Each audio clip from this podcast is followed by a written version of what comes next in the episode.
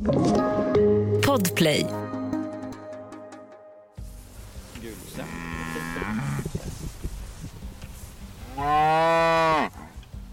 Ja, här har du en av naturvårdarna på Gymninge gård dit vi har tagit oss idag. Naturlyckas Ola Jennersten och jag Lisa Tallroth. Det här är det femte avsnittet och vi är intill sjön Tysslingen väster om Örebro. Och det var just de igenvuxna strandängarna vid Tysslingen där färre och färre fåglar slog sig ner som blev starten för en ny verksamhet på gården. Betande kor som också ger naturbeteskött.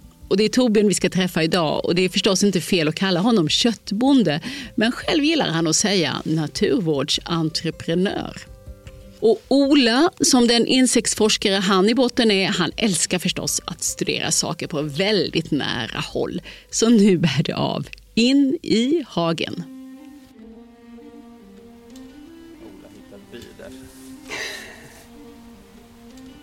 Vad fint det är med septemberdimman när den ligger så här lite lätt över eh, ängarna. Här ute på Gymninge gård där vi har fått komma för att eh, hälsa på hos dig, Torbjörn mm. Eriksson. Mm. Och varför är vi här idag, Ola? Vi är här för att titta på det markslag som är kanske artrikast av allting vi har i Sverige. Vi ska titta på naturbetesmarker. Och det, det är ett lustigt ord, men det är precis vad det låter som. Det är alltså betesmarker som är orört. Det är inte kultiverat, det är inte plöjt och inte gödslat utan det är naturliga gräsmarker. Det kan också vara skog, allvar eller som här strandängar runt omkring. Ja, ursäkta, den fantastiska sjön Tysslingen som är känd som Svansjön. Och svanarna kommer ju hit för att de här tjejerna som går här ute håller ordning på sjön så att den blir perfekt för, för fåglarna. Och tjejerna i fråga, det är korna vi har här framför oss. Dina och det, är du och din bror Stefan Exakt. som driver den här gården ihop. Ja. Och eh, precis här där vi står i det här landskapet, beskriv hur det ser ut nu för sen ska vi minnas hur det såg ut för en 30 år sedan.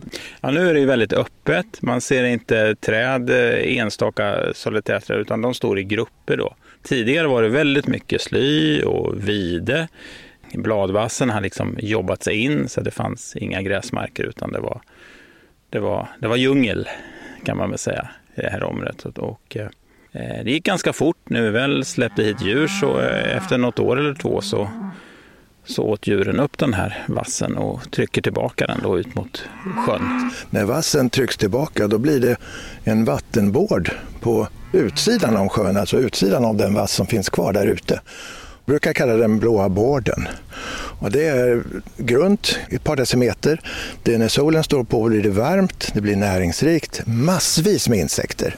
Så det blir en kläckfabrik för insekter och fiskar. Och samtidigt då en matrestaurang för fåglar. Så att stora mängder med vadare går där och pickar, änder letar mat. Så det, det är liksom den här blåa bården som de här slättsjöarna är berömda, alltså de riktigt fina fågelslättsjöarna är berömda för.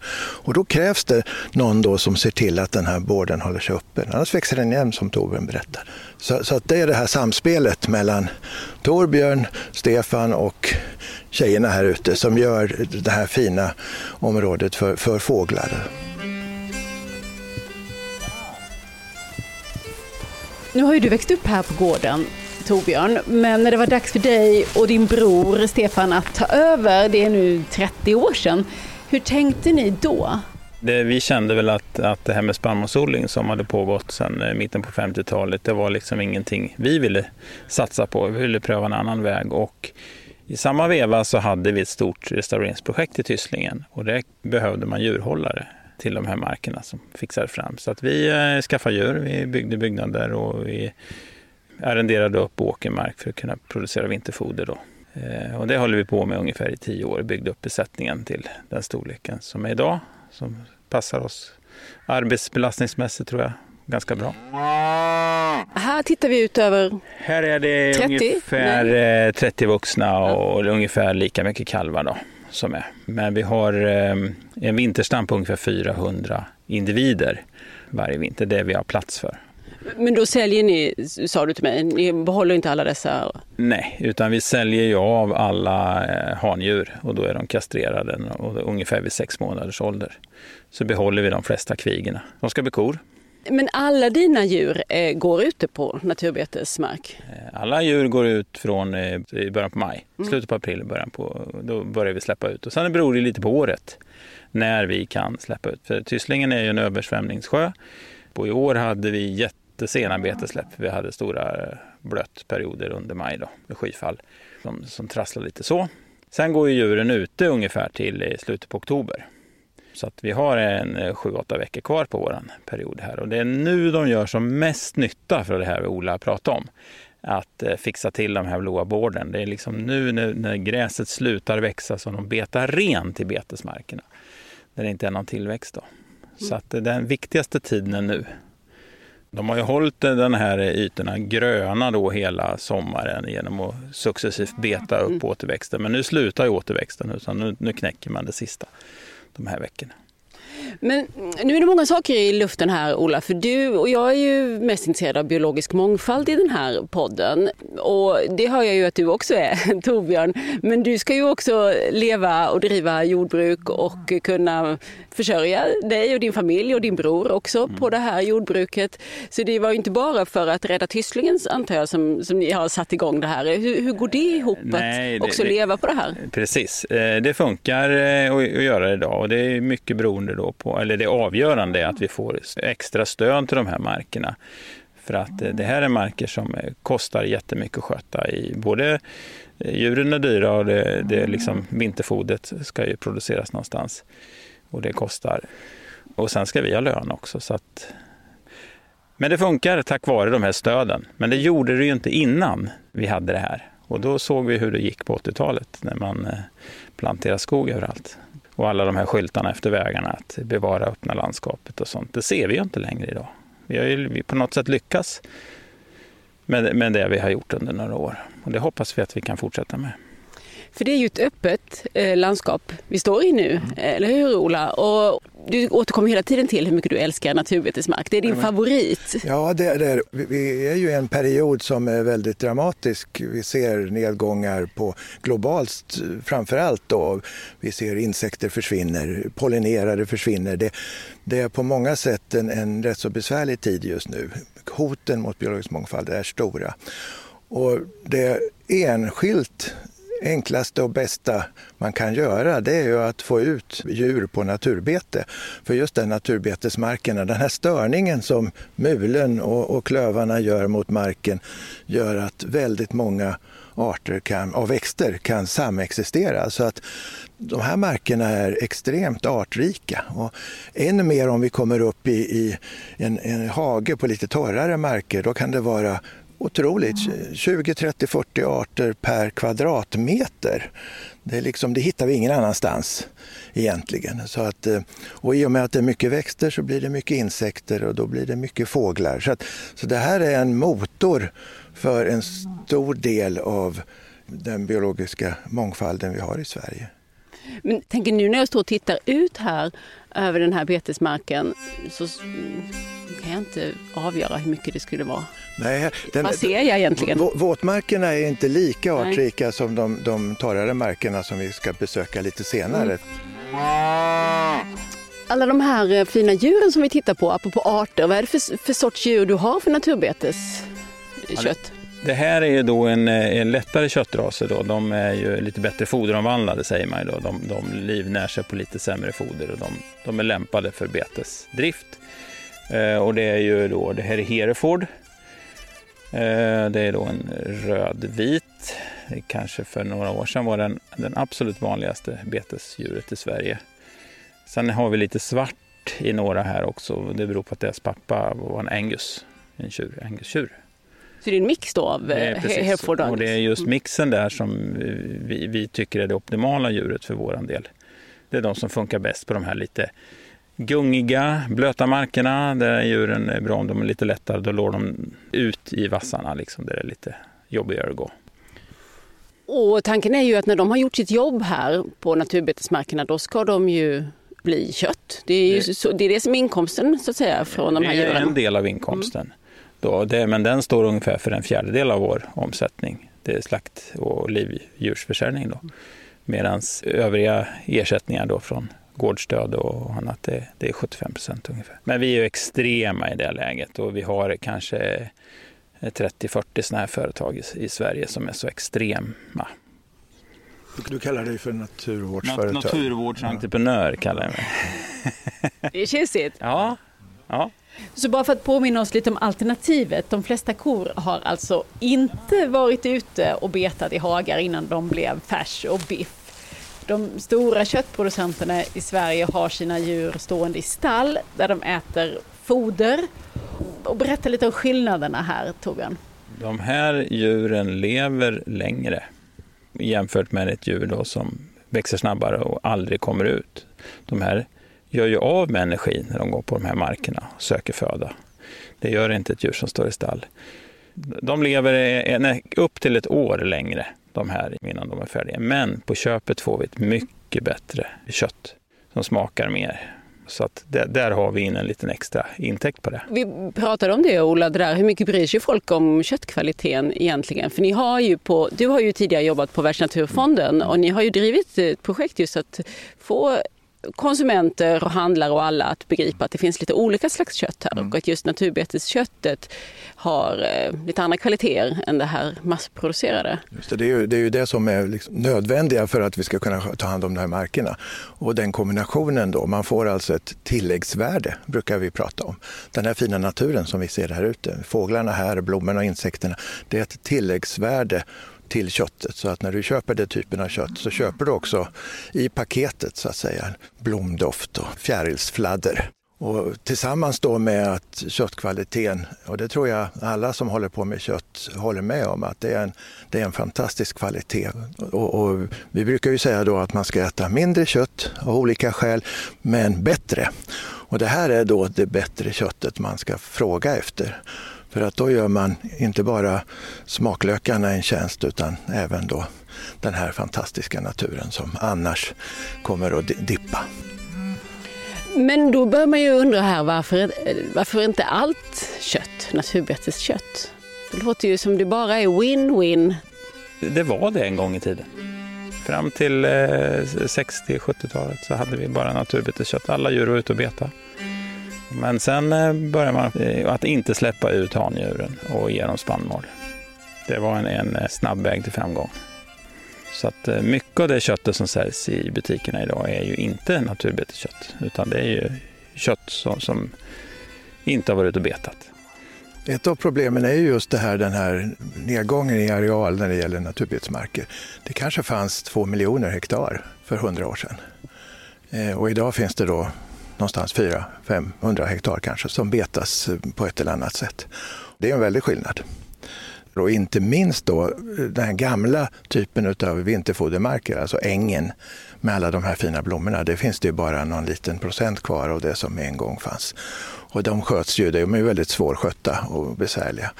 Oftast är det naturvårdsföreningar som, som sköter om dem som någon, någon sån här eh, hembygdsaktivitet.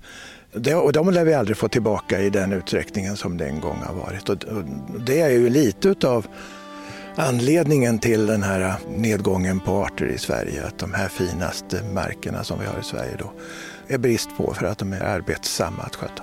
Sen var det ju lite också tidigare att man hade liksom inte råd att odla vinterfoder på åkermarken när vi inte hade konstgödningen då var vi tvungna att eh, odla liksom, spannmål för matproduktion till oss själva på de markerna och inte något vinterfoder. Utan då sökte man kanske såna här marker som vi tittar på här. Strandängarna som var näringsrika, där skördade man vinterfodern till djuren. Så här, här betade aldrig djur före andra världskriget. Liksom här är bara slåtterängar. Tror jag de mest, flesta människor inte tänker på utan väldigt många kor man ser ute går ju ute och äter gräs. Men en stor del av dem går då på åkermark. Alltså mark som är plöjd, som ofta är gödslad.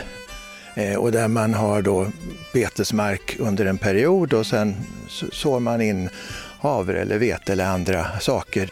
Och eh, när du ser på åkermark i Sverige som är det stora markslaget så är ungefär 50 procent av det är gräsbevuxet. Och då är ju det vall, kallar man ju det. Och där odlar man vinterfoder och en del av dem har då kor på bete där också. Eh, framförallt då mjölkkorna som kräver lite mer högraktan på gräset och det får de inte ute i naturbetesmarkerna som då är fattigare som kräver sin speciella ras då för att det ska bli riktigt bra. Så att eh, det är ju killar eh, och tjejer som Torbjörn och hans familj då som, som har möjlighet att, att ta hand om de här markerna. Som mjölkdjur skulle du aldrig kunna driva på dina inte på natur, Nej, det, inte på naturbetesmarker utan då skulle de behöva gå på en åker. Kon idag producerar ju så enormt mycket mera mjölk. Eh, ja, det är väl fyra gånger mot när de gick ut och betade. Så att det är en jätteskillnad. Men när vi nu ändå är inne på att värna om djur och natur, vore det inte bättre om vi avstod nötkött helt och hållet? Nej, det är det faktiskt inte. Det är nog kanske snarare tvärtom att de här tillför. De är bra för klimatet. För de ser till att hålla de här markerna gröna större delen av året och då funkar de här som kolsänkor, de här betesmarkerna. Eh, hade det inte varit djur här, det hade varit torrt och visset och då tar inte gräsen upp någon, eh, eller de lagrar inte in något kol i det här. Om man jämför med 100 år tillbaka, eller kanske mindre än så, 50 år tillbaka, så har vi halverat antalet nötkreatur i Sverige. Och det gäller ju inte med Volksvagnar exempelvis, alltså bensindrivna eh, kossor. Så i min värld så är ju de fossila bränslena det absolut viktigaste att slå på. Det är ju det som har kommit till, som inte fanns tidigare, som finns överallt idag. Kossorna i Sverige, ska jag säga, det finns, på globala sidan så finns det ju avarter av köttproduktion som vi kan vara utan. Men de här typerna av produktion eh, på naturbetesmarker eh, ser jag bara fördelar för. Av det svenska köttet skulle en fjärdedel kunna komma från eh, naturbetesmarker, som produktionen ser ut idag. Och så men, mycket som vi äter idag, om vi skulle kunna tänka oss äta lite mindre? Ja, men då skulle vi väl kunna sluta importera kött. Men är det överhuvudtaget en eh, realistisk dröm? Är det någonting du ligger och tänker på om nätterna? Att tänk om naturbeteskött var allt kött vi åt här i Sverige. Eh, är det, är det överhuvudtaget realistiskt? Nej, nej, de nej det, är, det är inte riktigt. Men, men säg att vi kommer en betydligt längre bit på vägen eh, genom att våra slakterier eh, tar upp det här i sortiment. Alltså, och inte kallar det för någonting annat, Gudruns goda eller gör något annat varumärke av utan att verkligen håller i det här. Så att det här är naturbeteskött. Sigillet. Sigillet, precis. Det, alltså, det är väldigt många som kan hjälpa till för att det här ska bli bra. Börja med, med, med djurhållarna, om det finns de som har tjurar på stall, om man får ut dem som stutade så kan vi öka då eh, det här naturbetesmarkernas skötsel och därmed biologisk mångfald. Om vi kan få handeln att eh, vara förstående och, och ha bra priser och, och främja den här typen eh, av kött. Producenterna likadant som Torbjörn säger och vi konsumenter att vi efterfrågar det. Det är ju jätteviktigt varje gång. Har ni naturbeteskött? Nej, jag ska inte ha naturkött för det är jag inte intresserad av. Naturbeteskött sa jag. Och då tror jag man kan komma någonstans. Och sen har vi då naturligtvis också våra politiker som måste förstå att eh, biologisk mångfald, det finns något som heter så. Den heter ju Naturlycka, den här eh, podden. Eh, vad tänker du när du hör det ordet? Vad är naturlycka för dig? Ja, men det är nog lite det här eh, resultaten som djuren gör. Eh, vi har ju sådana marker här i sjön som inte betas och se eh, liksom vilken mischmasch det är där med Ja, nej, men det här är lite ordnat, det är lite strukturerat, det känns, liksom, det känns bra. Gör det. Du ser ett resultat av... Ja, av, av djurens jobb alltså. Mm. Och, och det, det, det, ser jag med ögat, men jag ser ju även att vi har växande populationer av, av fåglar. Och det här är ju en, en fågelrastlokal. Och, och det, det, tycker jag det kan man mäta. Alltså, har vi mer rastande fåglar, då har vi lyckats. Finns inte insekten så, så får inte fågeln någon mat. Och, och håller inte jag korna så får inte insekten någon mat. Så att det här är viktigt. Vi är samspelta. Är du intresserad av fåglar? Ja, det är jag. Ola är ju en spanare. Nu ja, försvann han iväg. Eh, visst. Och sen är jag jägare också så att jag eh, det händer väl att man, man skjuter någon, någon gås ibland när den är på fel ställe. De äter ju inte bara mat ute på betesmarken utan de äter ju även här också, på alla höstgrödor. Vi ger dem ju ett smörgåsbord här, så de äter upp en del. Men eh, äter de inte upp för mycket då är det ju helt okej. Okay. Lite, lite skador tål man, men, men inte stora. Det är alltid om balans. Allt är en balans, alltid precis. Vi pratar om fåglar här Ola, för det är ju ändå en fågelsjö vi står Absolut. vid. Har vi några fåglar här nu i september? Det som Tysslingen är känd för det är ju som Svansjö. Och det är ju framförallt på våren då, då de äter upp sig när de ska ut i sina häckningsmarker. Och då är det ju det är ju stor fest. Alltså, jag tror inte det finns någon örebroare som inte varit här under någon, någon eftermiddag och druckit kaffe och tittat på svanar. Så, så det är jättestort. Alltså, för hundra år sedan fanns det våtmarker överallt. De flyttande fåglarna hade gott om möjligheter att hitta rastplatser med mat. Och sen började vi då ta över landskapet och, och torka upp det. Och kvar vart några stora slättsjöar som idag då är de berömda fågelsjöarna. Det här, här i området så är det Kvissman och det är Tysslingen och sen är det kanterna runt Hjälmaren som, som är sådana fågelsjöar. Och annars har vi Hornborgasjön och Tåkern som, som är sådana här kända platser, det finns nere i Skåne och så vidare. Och det, de har ju blivit då otroligt viktiga av den anledningen. Så det är hemskt viktigt för framtiden att de här fågelsjöarna fungerar. Och de fungerar inte utan betande djur. Det ska ju vara den här mosaiken också och det skapar inte maskinen. Utan det är ju framförallt djuren. Men du ser, du har en liten rugge sitter där ute. Där är det lite blött. Där kommer inte djuren åt. Det gör inte maskinen heller. Så den där den finns alltid, år från år, för, för de eh, fåglar som vill vara och sitta där och titta lite.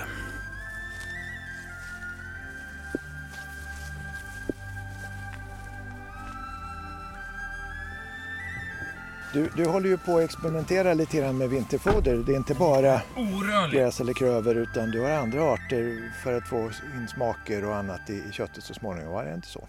Det, nej precis, det är, inte bara, det är inte bara grönt gräs som vi är utan vi är, det är lite andra färger. Här tittar vi på lite lucern. Ja, för nu, har vi, nu har vi flyttat oss måste vi berätta. Ja. Så var är vi nu någonstans? Nu är vi i närheten av en, en torr naturbetesmark och vinterfoderåker. Och här har vi mixat med eh, kärringtand, vi har lucern, eh, vi har också timotejerna här men de ser man inte så mycket så här års utan de kommer på första skörden. Men vi har även pimpinell, vi har cikoria i de här vallarna och blandar med. Vi har eh, kummin. Och den där kumminen, det är ju fantastiskt hur det luktar om fodret. Och djuren älskar det här. När det är den här mixen med örter. För det påminner om det fodret de äter på sommaren. Lila, gult fält är det visst, och grönt förstås är det vi står och tittar ut över. Men det där du sa, lucern. Vi odlade jättemycket fram till mitten på 50-talet, lucern i Sverige. Det var det man odlade, för det torkar snabbt. Man behöver inte ensilera det utan man kan få det torrt på marken och så där och lägga in det löst på skullar och så. Det har vi gått ifrån mer och mer för att eh, vi vill ju ha ett så så grönt och proteinrikt foder som möjligt. Och då kanske vi skördar ytorna idag tre, fyra gånger, kanske fem i södra Sverige. Får väldigt potent gräs till för framförallt mjölkproduktionen. Då. Men de blommar aldrig, de fälten. De hinner aldrig gå i blom. Våra vallar det bygger på att de ska blomma, för då överlever de. Våra vallar håller 6-7 år medan en sån här annan vall jag pratade om som slår så ofta och tillförs så mycket näring mellan de slotterna tre år kanske. Och då har vi också, det, vi pratade om det med klimatet, vi plöjer ju inte den här åken mer än var sjunde år. Medan en annan vall som man odlar intensivare, den plöjde man var tredje år. Och då blir det en otrolig skillnad på, på näringsavrinningen en eh, täckande vall, där är det väldigt lite avrinning. En öppen eh, mörk jord är det stor avrinning av näringsämnen. Så att... Och även koldioxiden mm. när man bryter mark. När du, det här är ju ärtväxter, de här som du har här. Och ärtväxter är ju oftast bra för de är duktiga på att dra ner kväve i marken. Så att man, det är sannolikt också så att man inte behöver gödsla så mycket, eller hur Torbjörn? Nej, det, det, vi gödslar ju eh, egentligen ingenting. Utan vi gödslar upp en bank när vi bryter det. Kanske lite innan, året innan och sen när vi bryter det. Och, Och noga med att låta dem blomma minst en gång om året. Om jag vore humla så skulle jag ju hänga här. här är ju, ärtväxter är ju viktiga för, för humlor och vilda bin i Sverige. Blommor är bra. Blommor är ju nödvändiga. Mm. Vi har ju pratat om det tidigare i den här podden att, att det är både mat och bostadsbrist för våra pollinatörer, så är det. Låt oss gå upp. Ja. Titta, här har vi dem. Det här är Angus, Black Angus. Nästan bara Black Angus tror jag. I den här gruppen. Jag, jag har ju, jag, det händer ju att jag får en släng av kotskräck. Jaha. Ja, ja, då får vi se. Det är dags att berätta det nu, när vi kliver in i hagen. Men eh, du går god för att det här kommer gå bra. Det går bra. Om, om, du har respekt för djuret och liksom inte är på det så kommer inte det vara på dig. Det här är djur som Han där, de vill inte gå närmare än en, de, de känner sig obekväma när vi är närmare än en meter. Okej, okay. ja, ja, vi kan säga att vi, vi delar det. Ja. Den känslan. Ja. Jag sa inte det till dig Ola att jag, är, jag har lite respekt för så här stora djur. Ja men alltså det, det är ju helt rätt. Jag menar, en, en ko, det finns ju vissa individer som, som tar hand om sin kalv så starkt så att de blir farliga. Men du, en sak som jag tänkte vi måste berätta om och det är det där. En komocka. En komocka. Jag brukar älska att berätta om komockor för det här är en liten del natur som härbärgerar upp till 400 arter. Ja, I den här som lever bajshögen den, ligger det 400 arter? Ja, inte kanske just i den här men alltså, om du tittar i Sverige och inventerar komockor så kommer du upp i den storleksordningen. Det här är ju en koncentrerad näringsbomb. Så att fort den fälls så har du vissa flugarter. Dyngfluga kan man gissa eh, en av dem, en fantastiskt vacker guldfärgad fluga som genast är här och då börjar lägga ägg i den och då kan larverna då leva upp. När det sen blir efter en dag när det blir skinn på den, då blir det jobbigt för flugorna att komma ner. Då kommer skalbaggar. Det finns ett helt gäng med, med 50-tal olika eh, arter utav dyngbaggar som lever i det här och deras jobb är väldigt mycket då, de ska ju naturligtvis föda upp sina ungar och en del av dem gräver ner dyngan i marken där de lägger ägg och de förökas då. Och de gör då ett otroligt nytta genom att cirkulera de här näringsämnena i marken. De bryter ner det och, och sprider på det. Och sen så småningom då efter två år så har du dagmaskar som gör det sista som ser till då att den blandas upp i marken. De är de här eh, första ordningen utav eh, betar utav den här näringskällan. Sen har du då parasiter och predatorer, alltså djur som parasiterar på eller som äter de här, en stor mängd då, Eh, exempelvis kortvingar, en skalbagge som, som jagar här och äter utav de här larverna. Parasiter som lägger sina ägg på de här larverna. Så det, det här är ett, alltså ett helt fantastiskt djursamhälle. Ett helt universum ja. i den här komockan ja. som vi står och tittar på. Ja. Och, och, en rolig grej, och det kan alla göra som har lust.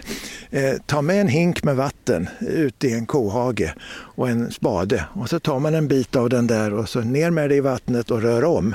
Då kommer alla de här djuren att flyta upp, för de, vi ser dem ju inte nu. Men då flyter de upp och då blir man förvånad vilken otrolig diversitet av insekter som finns i den här mockan. Och man liksom börjar få en helt ny uppskattning av komocka. Mm. Vad säger de nu Torbjörn?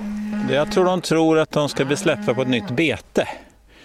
För då brukar vi vara mer än en person när vi kommer och kanske ska flytta dem. Och det, jag tror de tror det nu. De äter rätt mycket nu så ju längre in i, liksom mot hösten desto oftare får man flytta runt. Men titta här får du se, det, här, det, här som jag, det är ju det här som jag tycker är så maffigt. Du vet inte vad de heter, men om du tittar på de här bladen som finns här på marken. Tänk dig en kvadratmeter yta här då, så försöka räkna då hur många arter du ser här. Så, så kommer man snabbt upp i rätt stora siffror. Det här är en som blommar då som syns, det är rödklöver och sen röllika. Här har du svartkämpar, du har andra klöverarter, smultron, kråkvickor, flera, flera gräsarter. Så att plötsligt då när man summerar det så är det alltså, det här är ju en rikedom som du inte finner någon annanstans. Maskros, den känner jag i alla fall Maskros, det är helt rätt. Den finns också här. Den är ju också... Eh, daggkåpa. Daggkåpa finns här. Det, daggkåpa är en sån här riktigt eh, typisk växt för den här typen av marker. Men du har ett kulturminne här, den här eh, stengärdsgården. Och den i sig då, förutom då att den visar på våra förfäders hårda arbete så, så är det här en, en fantastisk eh, bostad för stenskvätter och, och ormar och, och, alla möjliga djur då som vill gömma sig i den här. Stenskvätter? Det är en fågel ja, som häckar mellan stenarna. Titta. Vi är ju då alltså omgivna nu av en 30 kor och kalvar. Fast det verkar de ha hittat något intressantare än oss där borta. Nu ska de gå bort och dricka vatten. Mm. Det är någon, någon av korna som bestämmer att nu går vi. Då går alla åt det hållet. Skönt, när någon tar initiativ. Ja, exakt. och du har med fika? Gud vad trevligt. Ja, där jag såg en ko ser Torbjörn Eriksson på Gymninge gård en naturvårdare. Och där jag såg en koskit ser Ola 400 arter. Det är inte utan att jag också börjar titta mig omkring med lite nya ögon. Ola och hans vänner har den effekten på folk.